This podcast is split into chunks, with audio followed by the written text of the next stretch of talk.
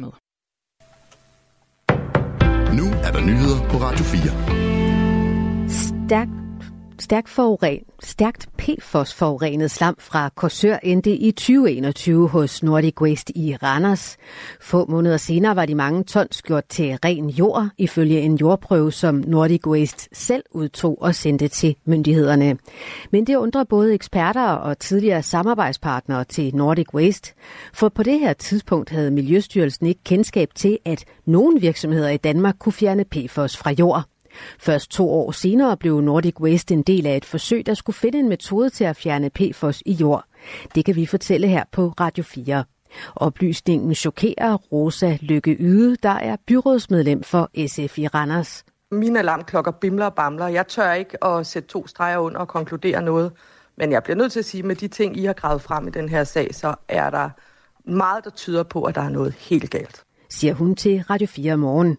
Rosa Lykke Yde, byrådsmedlem for SF i Randers, vil nu have klarlagt, hvad der er sket med den PFOS-forurenede jord. Vi er simpelthen nødt til at finde ud af, hvor pokker det her blevet af.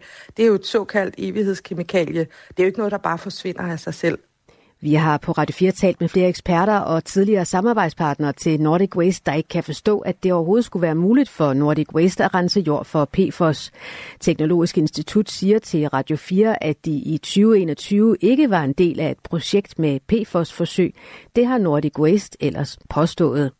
Interne mails viser, at Nordic Waste har smidt de 22 tons PFOS-forurenet jord ned i jordtippen ved den tidligere lærgrav hos Nordic Waste – Nordic Waste har ikke ønsket at kommentere de her oplysninger.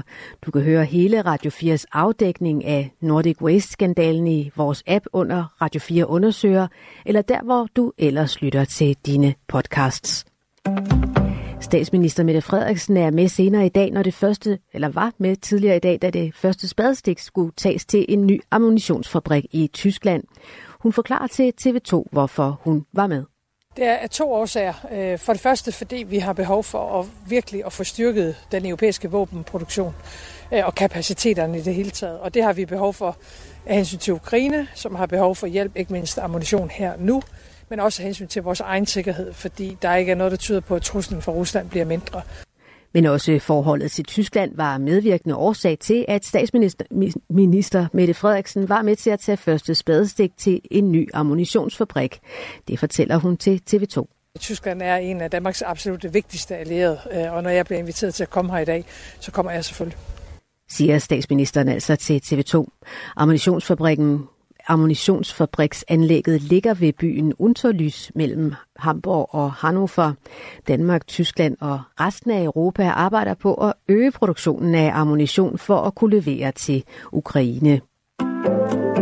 1200 danske soldater fra alle verden skal blandt andet yde værtsnationsstøtte, når den største NATO-øvelse i årtier løber af stablen. Det oplyser forsvaret i en pressemeddelelse. Værtsnationsstøtte skyldes Danmarks placering ved Østersøen.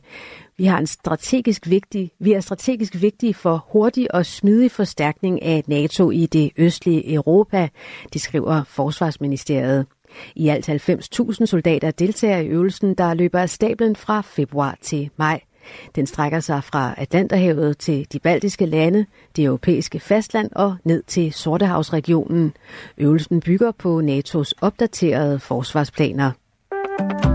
I dag har Rusland indført sanktioner mod 18 britiske statsborgere, det skriver The Guardian. Rusland kalder sanktionerne personlige sanktioner, og de er rettet mod blandt andet viceforsvarsminister James Cartledge samt en række akademikere og historikere.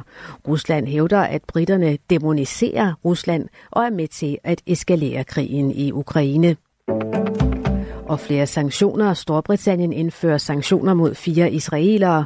Britterne skriver, at det sker, fordi israelerne har truet og begået aggressive og voldelige handlinger mod palæstinenser på Vestbreden. Det fremgår af et notat fra den britiske regering, skriver Reuters. Ifølge Storbritannien er der tale om ekstremistiske bosættere. Med sanktionerne bliver israelerne underlagt strenge finansielle restriktioner og rejserestriktioner. FCK forlænger hoppeforbuddet i parken forud for klubbens Champions League-kamp mod Manchester City i morgen aften. Det skyldes sikkerhed. Der skal være sikkerhed for, at tribunen kan holde. Vi når desværre ikke mere. Det var nyhederne her